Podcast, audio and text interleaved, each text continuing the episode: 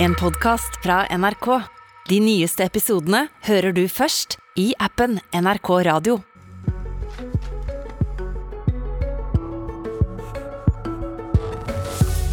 Stortingspresidenten må forklare seg etter at også hun har hatt pendlerbostad i strid med regelverket. Det kravet kommer fra Rødt. Og er koronasertifikat veien å gå, eller er det rett og slett for inngripende? Det er dagens debatt, men vi starter altså med nok ei pendlerbostadsak, denne gangen avslørt av Adresseavisa. Eva Kristin Hansen ble valgt til stortingspresident i høst. Hun har sittet som representant fra Sør-Trøndelag i 16 år. Fra 2011 var bostaden i Trondheim ei leilighet som hun leide av Trond Giske. Men etter at hun gifta seg i 2014, har hun eid hus og bodd i Ski, rett sør for Oslo. Dette huset ligger så nære Stortinget at en ikke har rett på gratis pendlerleilighet fra Stortinget. Ifølge Adressa så holdt Hansen likevel fram med å leie hos Giske i Trondheim fram til 2017, så i de tre åra bodde hun og eide hus på Ski, men leide i Trondheim og fikk pendlerbostad i Oslo. Kjerna i regelverket er at en må bo eller være folkeregistrert mer enn fire mil unna Stortinget for å få pendlerbostad. Stortingspresidenten sjøl takka nei til å komme til Politisk kvarter, men nestleder i Rødt, Marie Sneve Martinussen, er her, for Rødt var krass i kommentarene allerede i går kveld. Hva er det du reagerer så kraftig på? Ja, altså den Pendelregelverket er jo veldig viktig, fordi det det som gjør at folk fra hele landet kan velges inn på Stortinget uten å måtte bryte opp hjem og familie der man kommer ifra. Og nå har vi hatt en lang rekke av avsløringer denne høsten om representanter fra hele spekteret av partier som har misforstått reglene. Og Det som provoserer meg, er at Rødt allerede for to år siden foreslo å presisere reglene om at hvis du eide eller disponerte en bolig innenfor 40 km av Stortinget, så kunne du ikke få en pendlerbolig med mindre du hadde særskilte behov, for det kan helt sikkert finnes det. Da ville ingen andre partier enn SV og MDG støtte oss i det kravet, for de mente at reglene var gode nok og tydelige som det. Og nå viser det seg at det har vært mange misforståelser, at folk er ganske velvillige i sin egen lovtolkning av de her reglene. Hva forlanger du av stortingspresidenten her, da? Jeg tenker at de trenger å få forklaring. Det vi vet fra media er veldig lite. og stortings... Forklaring for Stortinget? Altså, det viktige er at vi får informasjon på bordet. Eh, og vi må huske at Stortingspresidenten er jo den som skal rydde opp nå på vegne av ganske mange representanter som har misforstått, eh, inkludert seg sjøl. Da trenger vi å vite hvordan stortingspresidenten har eh, agert i denne situasjonen. Det er jo litt forskjell på om det er aktiv tilpasning eller om det er en ren misforståelse. Det vet vi ikke nå. Og jeg tenker at hvis folket skal ha tiltro til at Stortinget kan rydde opp den saken her sjøl, så må jo hun som skal ha øverste ansvaret for ryddejobben, kanskje forklare litt litt eh, hvordan hun har tenkt eh, å misforstå de her reglene. Da. Ja, Mener Raudt at hun egentlig ikke kan ha jobben med å rydde opp, da? Det gjenstår jo faktisk også å se. Det gjenstår også å se hva hun sier eh, i dag. Jeg skjønner at hun ikke kom hit i dag, men det viktige her er at Stortinget forvalter lover og regler og enorme penger på vegne av fellesskapet. Vi har store privilegier høy lønn, subsidiert kantine og en eh, lukrativ pendlerboligordning som trengs for ganske mange. Da er det ekstremt viktig at folk ser at eh, politikere på Stortinget kan eh, passe sine egne saker, og ikke minst også tillate å bli sett i kortene av f.eks. Riksrevisjonen, som jo har vært et, en problemstilling at de siste fire årene ikke har fått sett Stortinget-kortene. Nå får de gjøre det. Det er bra. Vi håper også at stortingspresidenten vil være åpen i denne saken. Her. Men Hansen har beklaga til Adresseavisa. Administrasjonen understreker at flere har misforstått regelverket, og at de derfor ikke vil gjøre noe mer med akkurat denne saka. Hvorfor skal dere kreve mer av akkurat henne enn av andre? Fordi hun skal lede ryddejobben. Og det jeg sier, det er jo vært en lang rekke av eh, representanter som misforstått, men jeg mener jo at det egentlig bare gjør saken litt verre. For det gjør jo at eh, man er ganske mange sammen om å tolke disse reglene på feil måte. Og da vil jeg tro at folk utenfor Stortinget da, som har stemt inn de politikerne her, trenger kanskje en ekstra forsikring om at den ryddejobben man med alvorlighet har sagt man skal gjøre, blir gjort på en ordentlig måte. Da får vi se hva som skjer. Takk til Rødt-nestleder Marie Sneve Martinussen.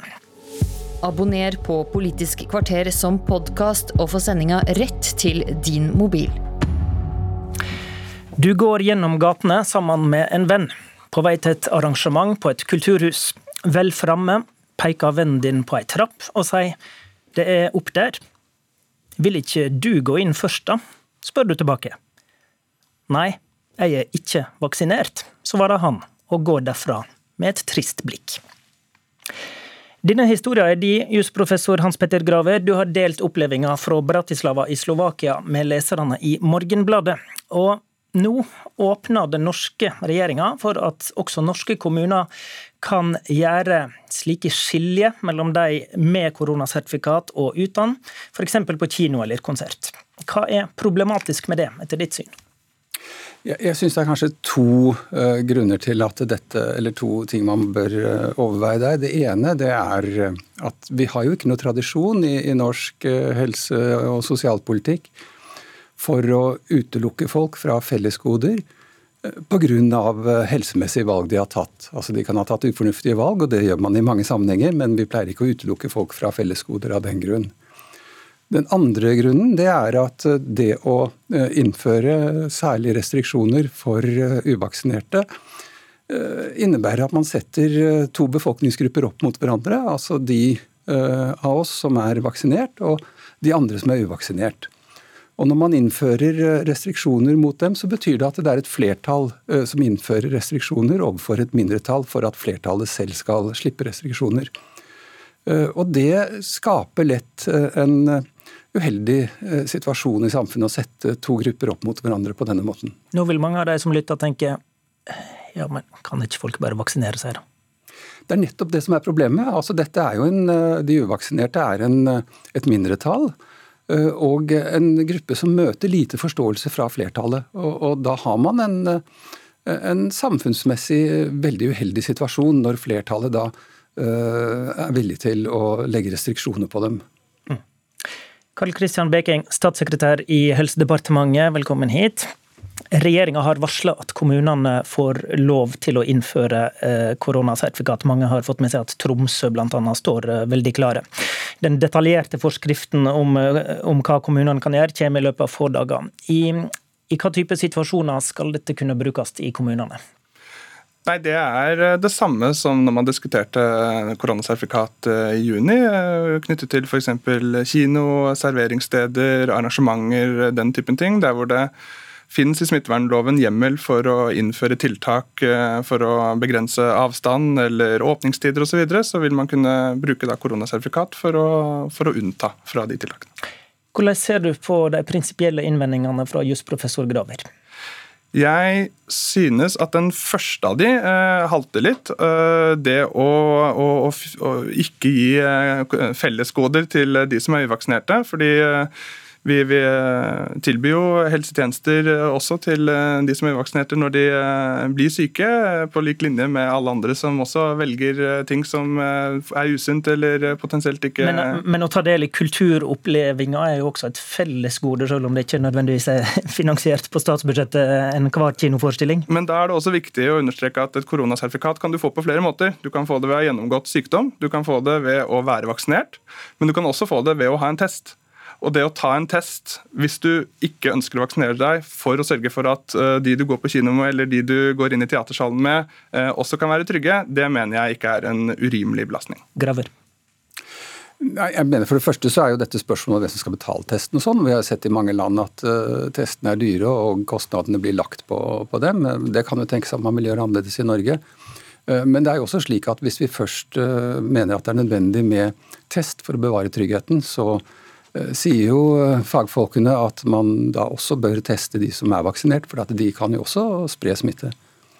Nei, eh, Koronatesting er gratis i Norge. Det er et viktig prinsipp. at Når vi har sånne virkemidler, så må det også være gratis å teste seg. og Det er altså oppfordret til å teste seg også når man er syk. Det er derfor vi har den ordningen. Og når det gjelder den andre innvendingen til Graver om, om at hva var det igjen? For grave Man bør teste også de som er vaksinert, hvis det er så viktig å hindre smittede folk å komme inn. Takk. Da er det slik at uh, de som er uvaksinerte, i større grad smitter enn uh, de som er smittede. Uh, så det her er det en sånn forholdsmessighetsvurdering. At nå er det en gruppe mennesker som i større grad har risiko for smitte, og da pålegger vi testen der. Men den konkrete forholdsmessighetsvurderinga, som du kaller det, altså det er jo en vurdering av om tiltaket står i, i stil med faren, for å si det litt folkelig, da. Den skal bli gjort i kommunene sjøl, sant? Ja. Og Da går vi til en kommune. Beate Husa, du er helsebyråd i Bergen, representerer KrF. God morgen. Hei, hei. Ved frokostbordet nå så kan bergenserne lese BT-overskrifta 'Antall innlagte i Bergen stiger, 58% er uvaksinerte'. Og Det oppsummerer vel egentlig utfordringa Um, selv om du ikke har det så ille som i Tromsø, heldigvis, så har dere begynt vurderinga av om Bergen skal ta i bruk koronasertifikat. Er du villig til å innføre et så inngripende tiltak for dine innbyggere? Eh, jeg vil nok kunne være villig hvis situasjonen krever det, men eh, det vil være viktig for Bergen å gjøre den forholdsmessighetsvurderingen som, eh, som statssekretæren her viser til. Og den er krevende. fordi at Det vi har sett gjennom pandemien, er jo at på kulturarrangement, på konserter, kino osv., så, videre, så har det jo vært veldig lite smitte.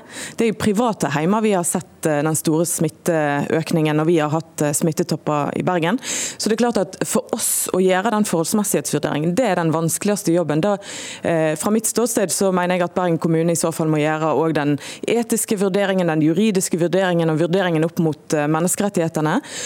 Og Jeg har tidligere i pandemien òg bedt om drahjelp derifra nasjonale helsemyndigheter, og, og vil jo utfordre òg statssekretæren på det samme nå.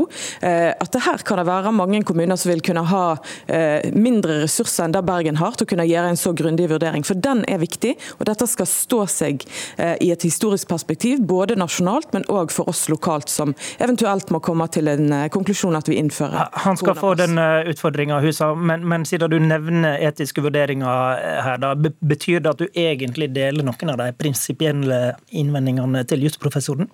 Ja, da å knytte friheter til helsestatus og personvernsituasjonen og alle disse tingene er jo eh, utrolig viktig å vurdere. Men vi har jo allerede i Bergen sett økt etterspørsel etter vaksine når det begynte å bli snakk om eh, koronasertifikat etter regjeringens pressekonferanse. Og Det kan jo òg vise til den vaksineopplevelsen i alle fall av den vaksinetvangen. Så jeg er enig med at eh, selvfølgelig kan man få koronapass på annen måte, men det er allikevel sånn at vi i Bergen allerede nå ser en tydelig økning økning i etterspørsel etter vaksine etter dette kom fram.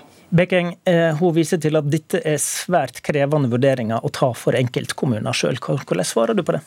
Det har jeg forståelse for. Eh, man må gjøre grundige vurderinger eh, her. Og her kan også helsemyndighetene og de rådgivende etater vi har, Folkehelseinstituttet, bistå.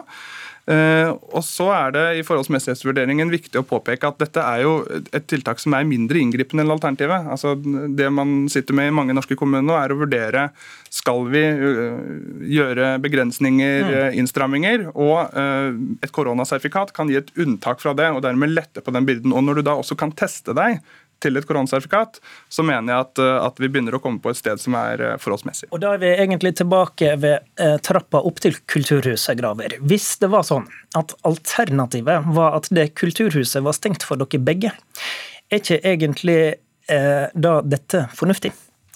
Det er et annet problem her òg, og det er mer teknisk juridisk. og det er Da Stortinget ga hjemmelen til dette i juni, så var det klare forutsetninger for det første om at det skulle brukes til åpning av samfunnet, ikke stenging.